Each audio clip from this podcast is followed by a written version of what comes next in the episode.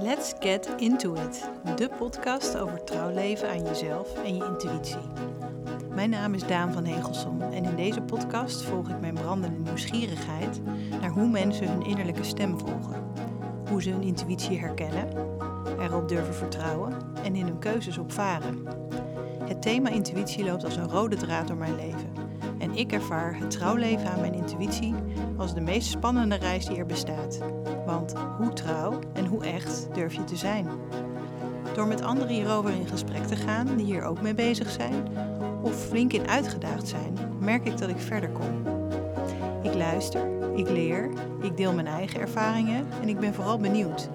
Hoe doen anderen dit? Trouw leven aan zichzelf? Samen weet je vaak meer dan in je eentje. Let's get into it.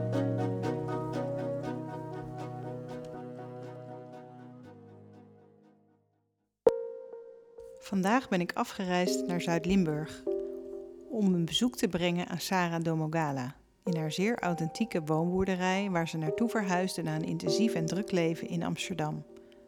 Waar we op een steenworp afstand van elkaar bleken te wonen, wat we nooit geweten hebben.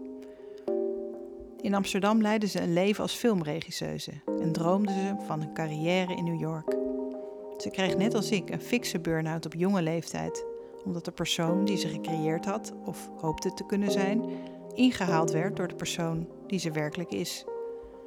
Nu leeft ze zoveel mogelijk in harmonie met de natuur en vooral met zichzelf. En dat voelt een stuk beter. Ze is een healer en vertelt krachtige, eerlijke en rauwe verhalen middels de boeken en de columns die ze schrijft. Nadat ik ooit een column van haar las in Happiness, waarin ze zo vanzelfsprekend schreef over de rol die intuïtie in ons leven speelt, ontstond er een verlangen om deze vrouw te willen ontmoeten. Welke weg heeft zij afgelegd in het trouwleven aan zichzelf?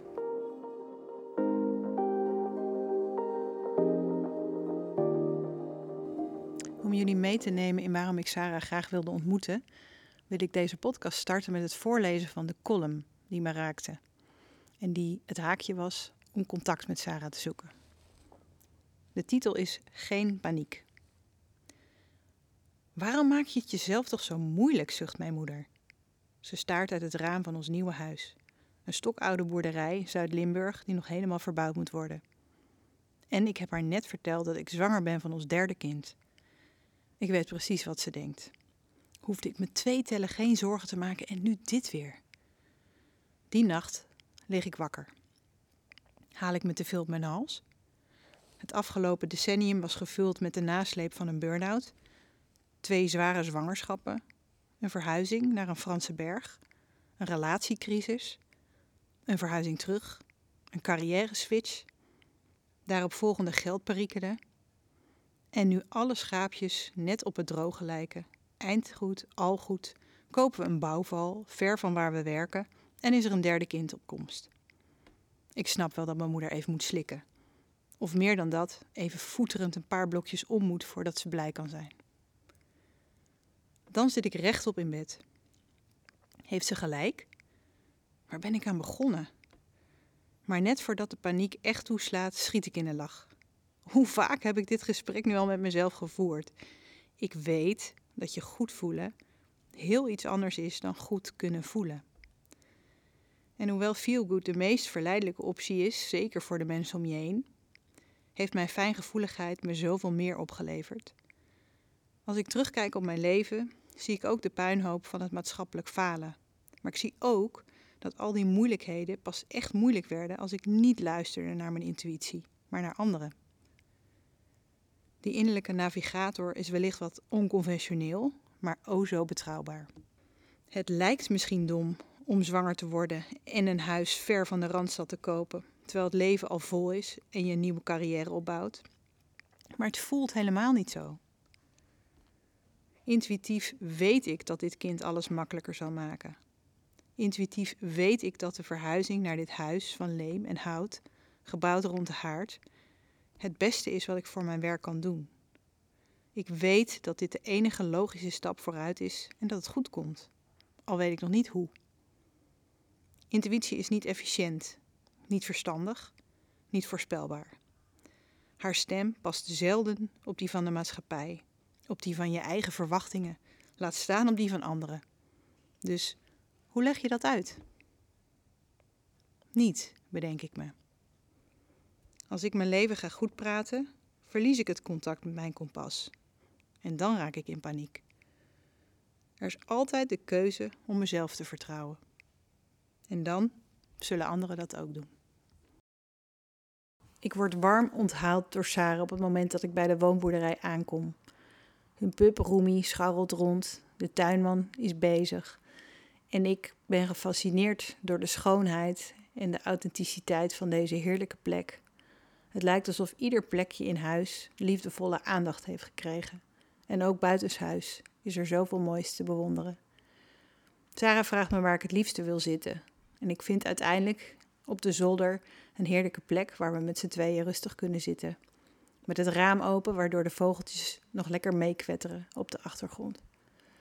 We komen in gesprek over haar zielswerk, haar roeping, datgene wat ze voelt dat ze te doen heeft. We gaan er meteen helemaal in. Nou, ik denk dat het heel belangrijk is dat je, je je werk weet. Weet wat je werk is. En je mhm. zielenwerk. Ja. En op het moment dat dat duidelijker wordt, dan weet je ook duidelijker wat je op aarde aan het doen bent. En, uh, en voor mij is een heel groot deel van mijn werk uh, is toch voor de aarde. En voor alle, alle inwoners. En niet alleen in de mensenwereld. Ja. ja. En gaat dat dan ook vanzelf? Dus dit lijkt wat je nu beschrijft, dat, dat, een, dat het ook vanzelf gaat. Dat je dat niet actief iets voor doet. Of is dat iets... Nee, dat gaat helemaal vanzelf. Maar het is wel op het moment dat je er niet... Uh, de, hoe meer je erop afgestemd bent, hoe makkelijker het gaat. En hoe minder je schrikt van wat er gebeurt. Of minder... Zeg maar, hoe meer ik me besef dat de mensenwereld maar een heel klein onderdeel is van onze hele wereld. Hoe makkelijker het leven voor mij is. Ja. ja. En dat alles eerst uitgelegd moest worden in de mensenwereld. En alle oplossingen uit de mensenwereld moesten komen. En alles, weet je, zeg maar, moest afspelen in de mensenwereld. Dat was uh, veel te beperkt, waardoor het heel moeilijk was. Ja.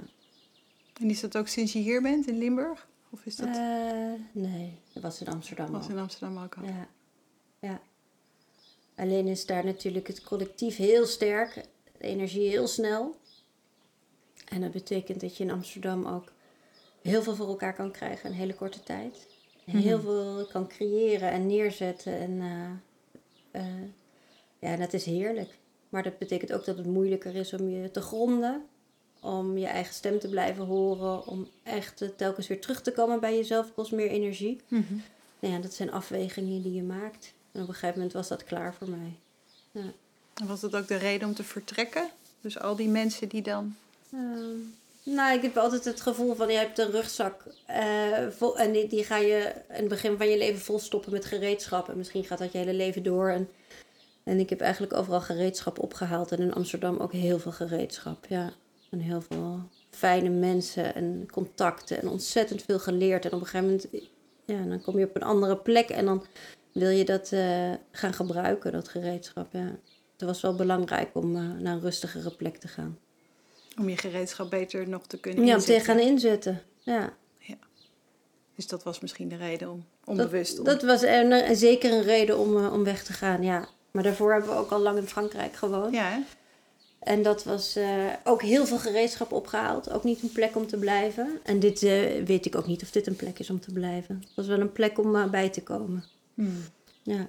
En is het belangrijk om te weten of je ergens wil blijven? Ja, ik weet niet of, je, of ik ooit ergens ga blijven. Hmm. Ik heb wel overal werk te doen. Hmm. Ja. En nu heb ik op deze plek, denk ik, nou, mijn werk hier begint ook echt tot een. Ja, ik zie het einde daarvan al. En dan gaan we oh weer naar een andere plek. Ga ik daar weer aan het werk. Ja. En hoe weet je dat? Als het, of het het einde is dat je hier te doen hebt? Uh, nou, ik zie nu uh, heel goed nog de dingen die ik heb. Het heeft vooral veel meer met de plek te maken. Dus niet zozeer met het, uh, de mensen of het huis. Of, maar echt met het land. En ik zie dat ik hier nog een aantal dingen te doen heb. En daarna is dat klaar. En dan is het, gaan we naar een volgende plek. En het land bedoel je dan je, je kruidentuin, de, de, dus echt het fysieke van de plek? Of bedoel je dat niet? Ja, ik bedoel echt het stuk aarde. Ja. Ja, het stuk aarde waarop je werkt. En dat werkt ook heel erg ver door. En hier heb je dan iets echt heel moois gebouwd. En bedoel je dat je dan op een gegeven moment hier alles gedaan hebt wat je hier kon Ja, wat ik hier op dit moment in de tijd te doen heb. Want het is natuurlijk, weet je, de aarde die herkent ons wel. Maar het is niet zo dat het van ons is. Of dat het, snap je? Of dat, Ja. ja, nou, natuurlijk, en we leven maar heel kort. Dus Ja. dan gaan er hier na mij nog duizenden mensen wonen. En, eh, ja. En is dat ook hoe je je werk ziet? Dat je dat stukje aarde dan alle liefde geeft die je kan geven en dan reis je weer verder? Of? Eh, ja.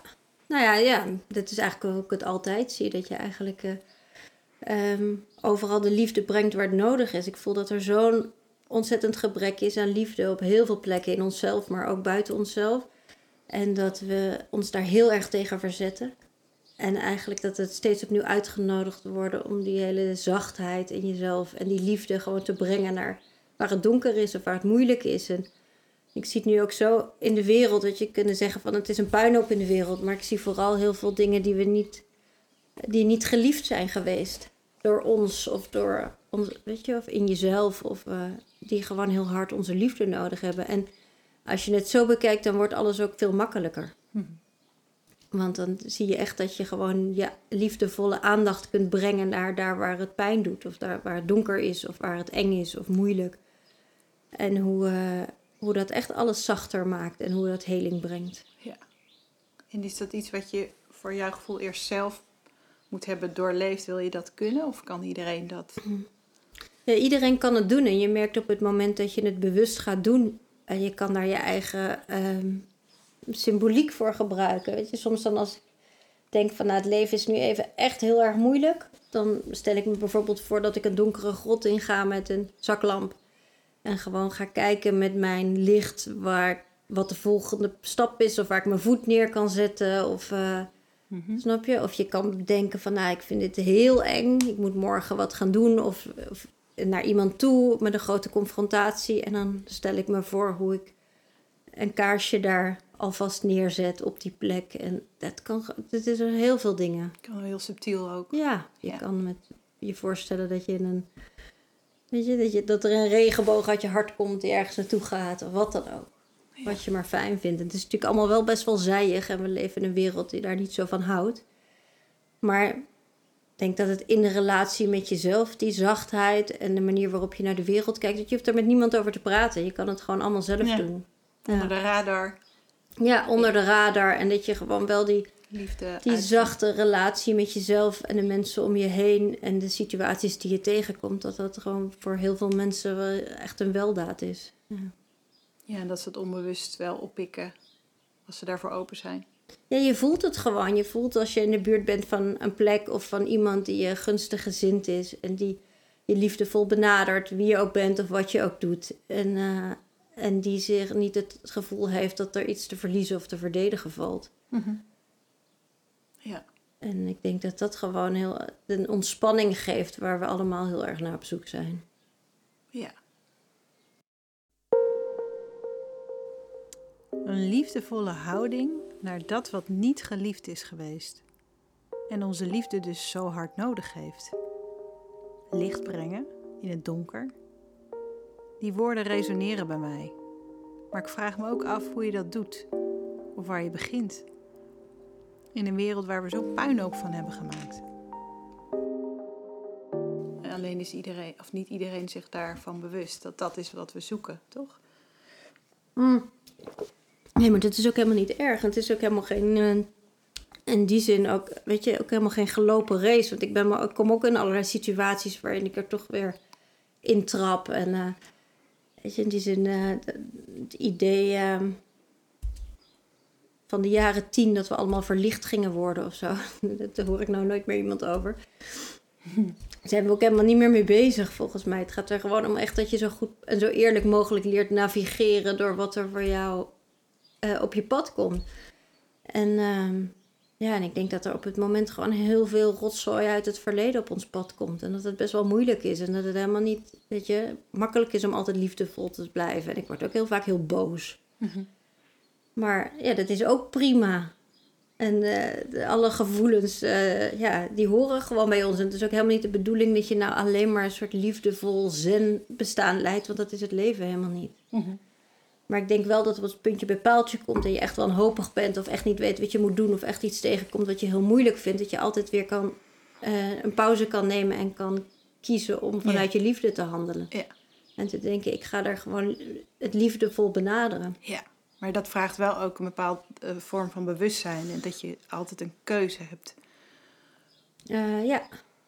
Waar ik zelf ook kan ervaren, soms ben je gewoon onbewust ergens weer in beland of in een patroon. Ehm, hè, dus het wakker zijn voor, oh, ik zou ook iets anders kunnen kiezen. Of ik, hè, dus Ja. hey, ik, oh, ik heb allerlei emoties.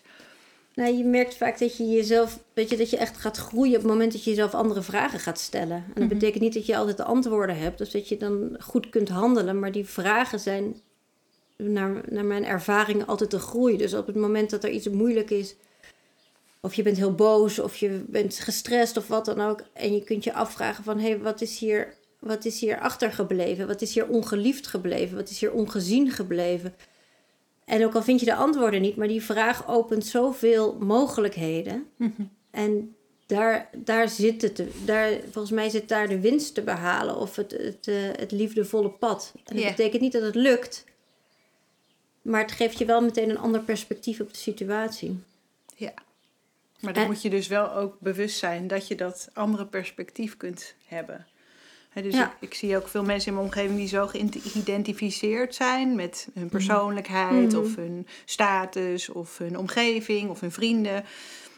eh, dat ze denken dat ze dat zijn. Ja, maar dat is ook heel logisch, want dat, Dat is is ook ook- wat ons geleerd wordt. Precies. En eh, weet je, daar ben jij ook geweest en daar ben ik ook heel lang geweest. Ja. En het wordt je ook zo geleerd van kinds af aan dat dit is wat belangrijk is en dat dit is waar het om gaat en dat je geen keuze hebt. Of juist wel een keuze. Zit, eh, en, dan, en dan ook de hele tijd door elkaar. Zo van ja, dit is jouw schuld en hier kun je niks aan doen. Dus je bent telkens een slachtoffer en, een, en verantwoordelijk voor alles. En het is gewoon één grote ja, rampspoed eigenlijk, kun je, zou je kunnen zeggen. Waarin ik het helemaal niet gek vind dat we allemaal verdwalen. En niet meer weten wat belangrijk is. En, Mhm. eh, en weet je, dan kun je wel zeggen inderdaad van... oh ja, nee, breng er maar liefde in en dan komt alles goed. Maar dat is natuurlijk helemaal niet waar. Nee.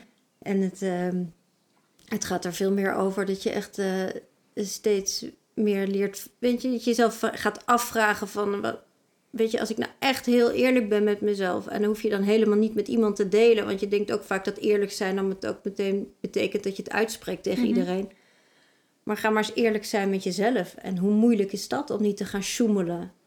En te bedenken van ja, wat wil ik nou echt? En wat is nou, eh, ehm, wat maakt me nou echt ontspannen en gelukkig? En wat is het leven wat ik nou echt wil? Mhm.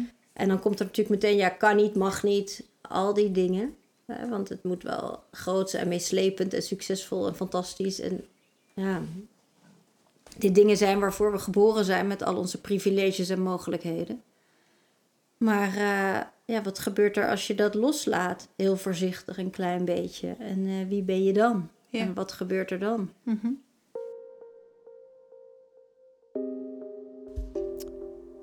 Eerlijk zijn naar mezelf. Wat wil ik nou echt? Ik weet wel dat ik de antwoorden op die vragen vaak voor mezelf heb uitgeschoven, totdat ik er echt niet meer omheen kon. Echt eerlijk zijn naar jezelf is eigenlijk best wel lastig. Het lijkt altijd een prijs te hebben. En het lef om dingen op te durven geven zonder dat je eigenlijk weet wat je ervoor terug gaat krijgen. Bij mij was er eerst een fikse crisis voor nodig om echt eerlijk te durven zijn naar mezelf. Hoe werkt dat bij Sarah?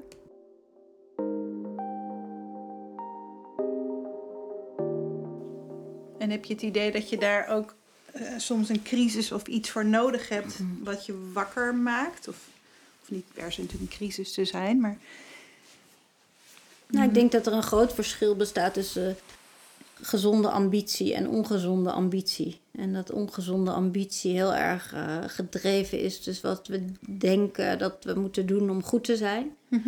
En dat gezonde ambitie ehm, veel meer te maken heeft met, eh, met wat we werkelijk we wensen voor onszelf. En, en weet je, en dat het ook te maken heeft met de offers die het vraagt, dat, hoe, je, hoe je die kunt dragen. En ik denk het verschil daartussen maken, dat dat wel heel veel uitmaakt. Dat je een heel ambitieus, gedreven, gemotiveerd iemand kan zijn die heel veel uit zijn leven kan halen zonder eh, met gezonde ambitie. Ja. Ja. Ja. En dat, dat je daar een crisis voor nodig hebt. Ik denk dat de crisis heel vaak. Het, eh, weet je, we noemen dat. We zeggen heel vaak op het moment dat iemand een burn-out heeft of instort of zijn werk niet meer aan kan, dat dat dan een crisis is. Maar de crisis zit daarvoor. Ja, en de crisis is eigenlijk ja, het leven wat jou niet dient. En, het, en de ambitie die jou niet dient. En eh, de, de drijfveren die, ja, die eigenlijk meer naar buiten gericht zijn dan naar binnen gericht.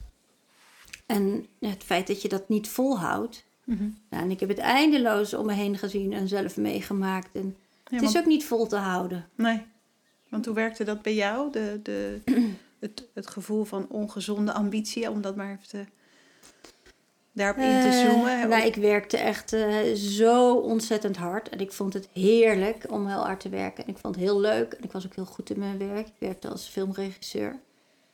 Ehm, en ik ben altijd al heel erg gedreven geweest in alles wat ik doe. Dus als ik iets doe, dan ben ik er helemaal vol van. En vol plezier. En, dus dat was hier ook bij. Alleen ehm, had ik ook eh, toch wel echt wel heel regelmatig, en dat werd steeds regelmatiger, momenten dat ik s'nachts echt helemaal zwetend op de grond lag en het gevoel had, ik hou dit niet meer vol. Ik kan deze persoon niet meer niet zijn wie ik gemaakt had. En ik droomde dan heel erg van een hutje met een tuintje en een houtkachel. En ik dacht, ik wil daar gewoon zijn. Ja. Droomde je dat letterlijk of figuurlijk? Nou ja, dat, dat, op dat moment wilde ik daar naartoe. dan en ik wilde. Ja, en ik wilde weer terug naar de, ehm, ja, degene die ik als kind was geweest Mm. ook. Een soort verlangen naar oorspronkelijkheid? Of? Ik denk het, ja. Terug naar jezelf. En dat ik Ja. niet meer wist hoe ik daar moest komen zonder alles te verliezen. Ja. Dacht, en ik had ook heel sterk het gevoel, ja, maar ik ga het niet redden eh, in de maatschappij als ik eh, dit loslaat. Want Ja. wat moet ik dan en wie ben ik dan? En, eh, en het toch wel het idee van dat je, ja, dat je je werk goed moet doen en dat je geld moet verdienen. Ook die hele grote angst voor geld, altijd. Mhm.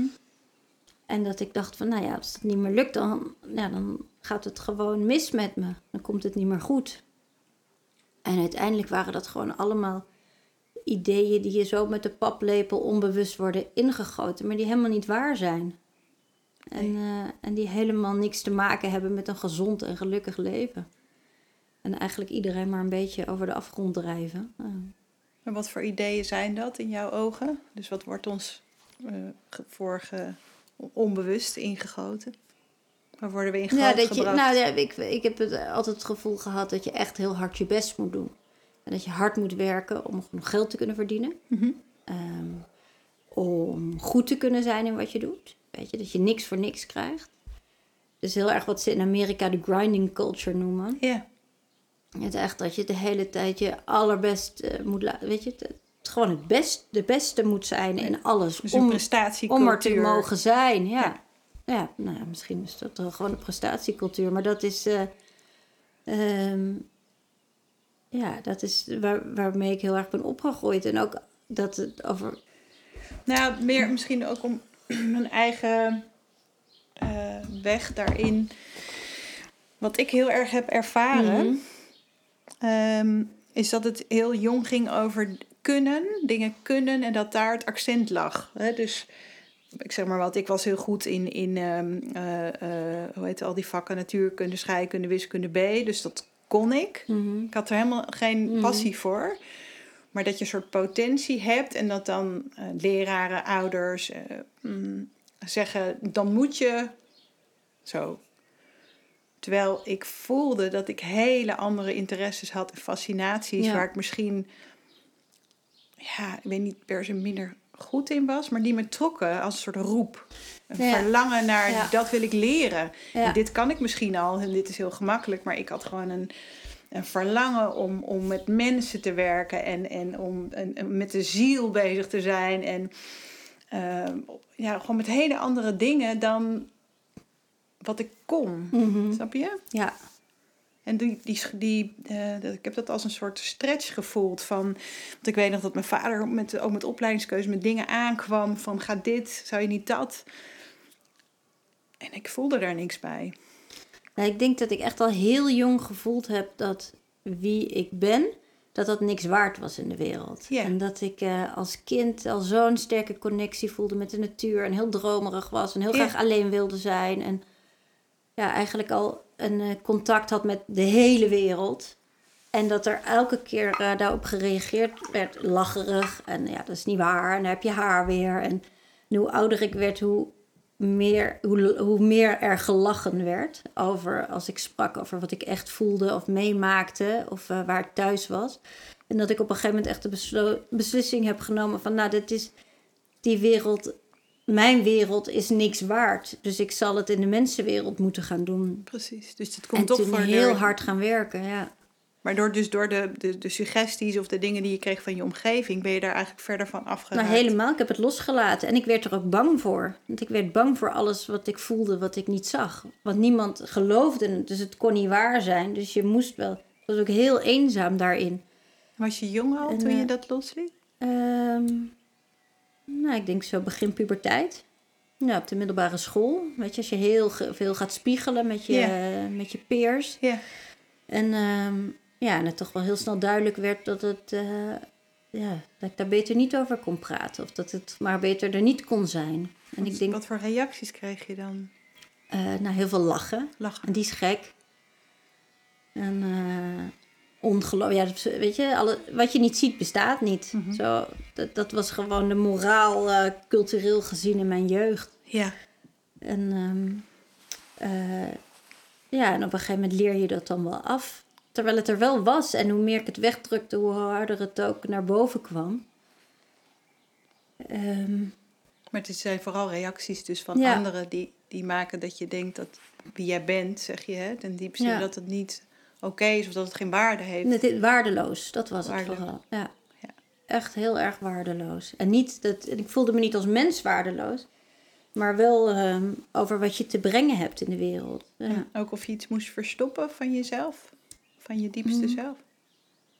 Ja, als je iets moest verstoppen. Of je, die persoon, nu, dat ging hem gewoon niet worden. Zo zit de wereld niet in elkaar. En, eh, en dat zijn boodschappen die ik nu nog steeds krijg. Maar waarvan ik nu wel weet van, nou, mijn wereld zit wel zo in elkaar. Ja, ja. Ja, Maar toen wist je dat natuurlijk nog daar niet. zit eh, 30 jaar tussen. Ja, precies. Ja.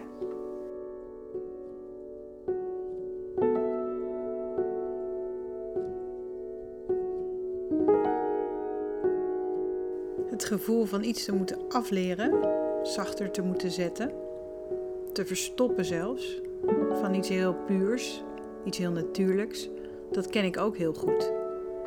Ik vertel Sarah over de leraar in mijn middelbare schooltijd die mijn ogen niet verdroeg en bij wie ik omgekeerd in de klas moest zitten, zodat ik hem niet meer hoefde aan te kijken.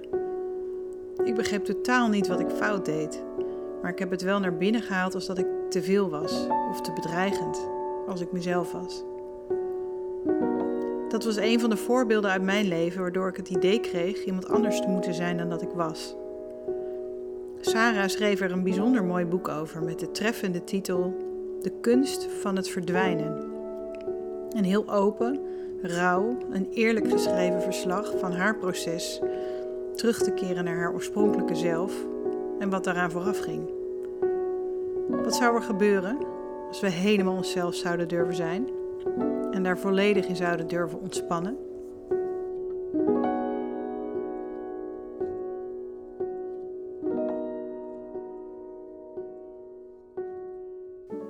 Ja, dus dat, dat, die volumeknop zachter zetten. En ik weet niet of je inderdaad dat ook zo hebt ervaren dat je iets gaat verstoppen of inhouden. Wat natuurlijk gewoon wil leven en wat, wat, dat is wie je Mm. bent. Ja, Dus ik heb zelf gemerkt eh, in het opgroeien dat ik op een gegeven moment dat dat verstoppen op een gegeven moment zo ging schuren. Dus, dit- dus op jonge leeftijd, zeg maar, eh, ook met het, na mijn studie eh, de wereld ingaan, dat ik gewoon, ja, ik clashte eigenlijk omdat ik iets was geworden of iemand was geworden die ik helemaal niet ben. Mm.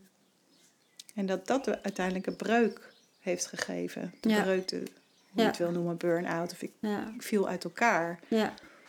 omdat ik dat natuurlijk helemaal niet kon, kon ontkennen.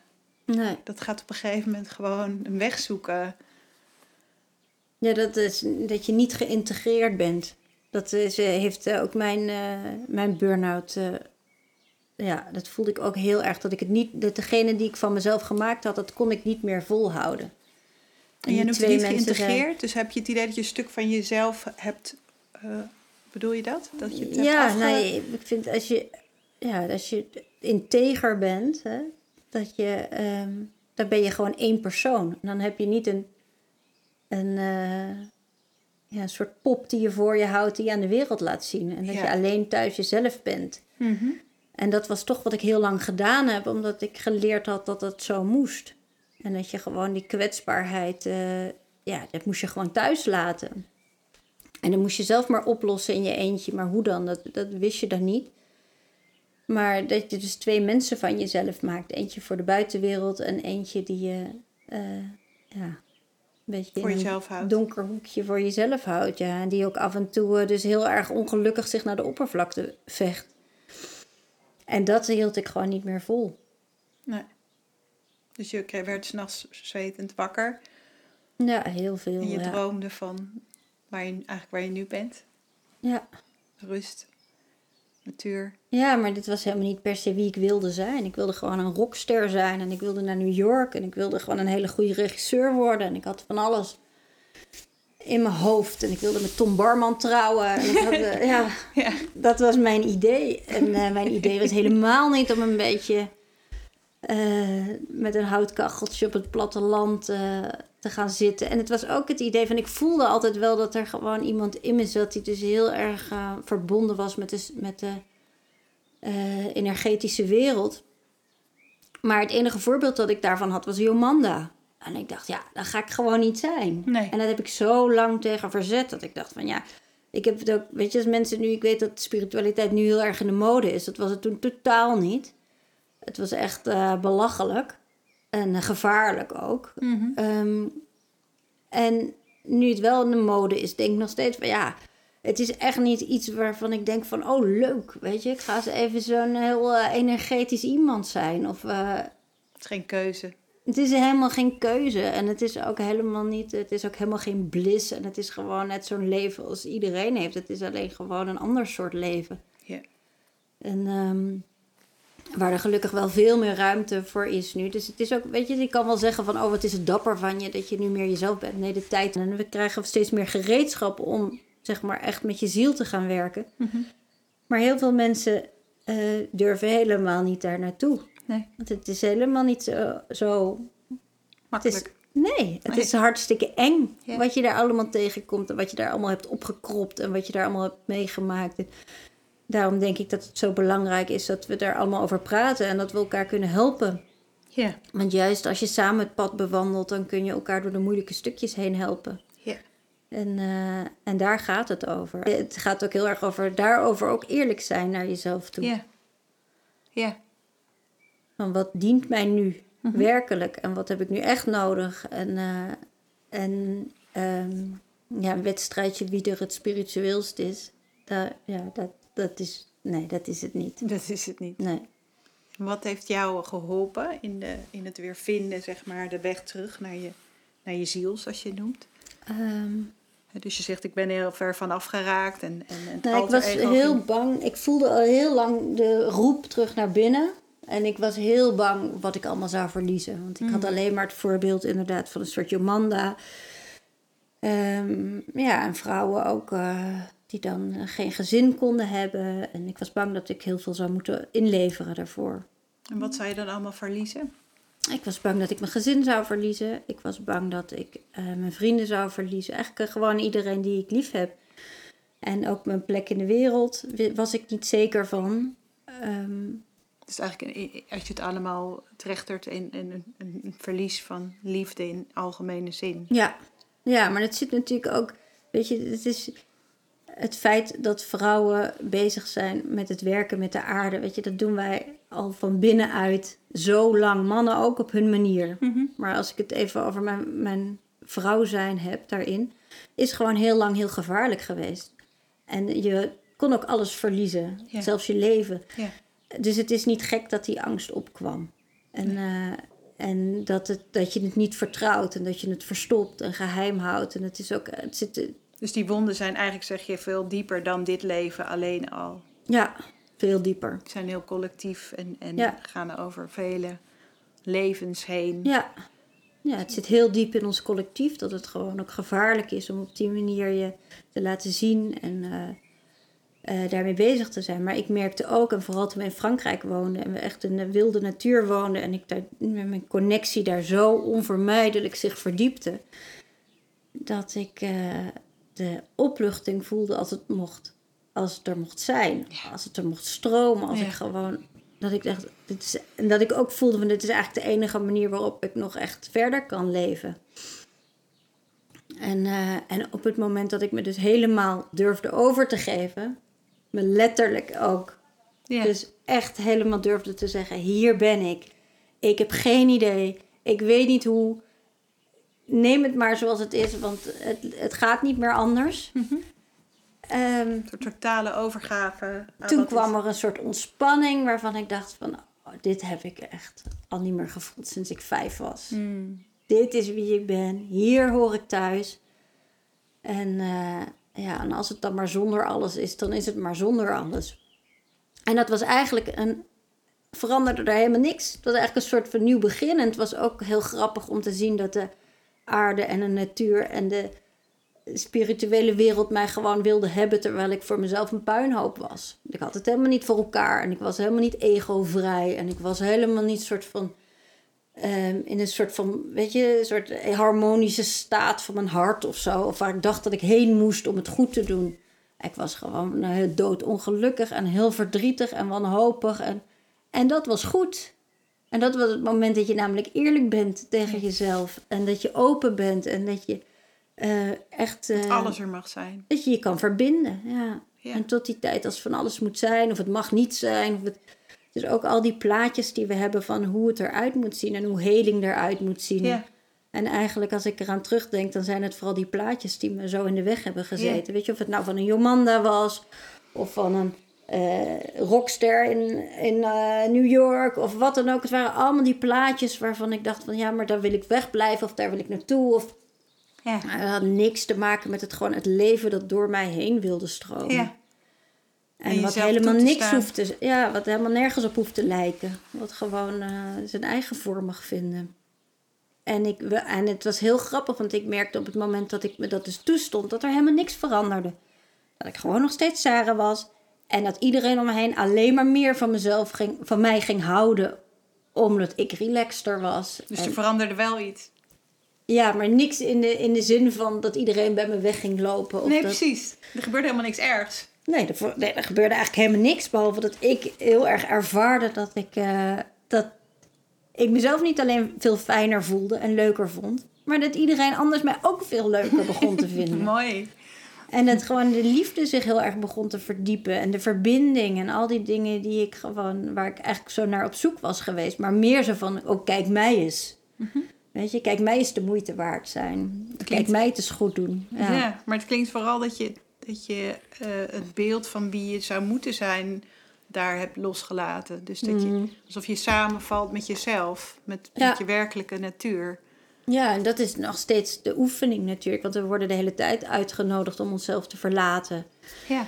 En een betere versie van onszelf neer te zetten. Of weet je, ook die, onge- die valse of ongezonde ambitie.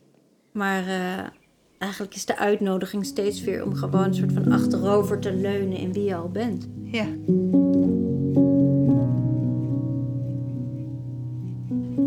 Wauw, achteroverleunen in wie je al bent. Wat een fijne uitnodiging. Dank je wel, Sarah, voor het delen van jouw wijsheid.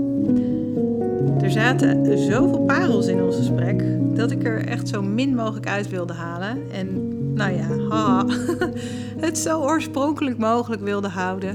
Helemaal in het thema dus. Ehm, dus als je meer wilt horen, luister dan naar het tweede deel van ons gesprek in de volgende aflevering van Let's Get Into It. Dank je wel voor het luisteren en ik vind het heel erg leuk om te horen waar dit gesprek jou toe inspireert of waar het jou raakt. Dus feel free om contact met me op te nemen op daanvanhegelsom.nl. Dank je wel voor het luisteren. Dag dag.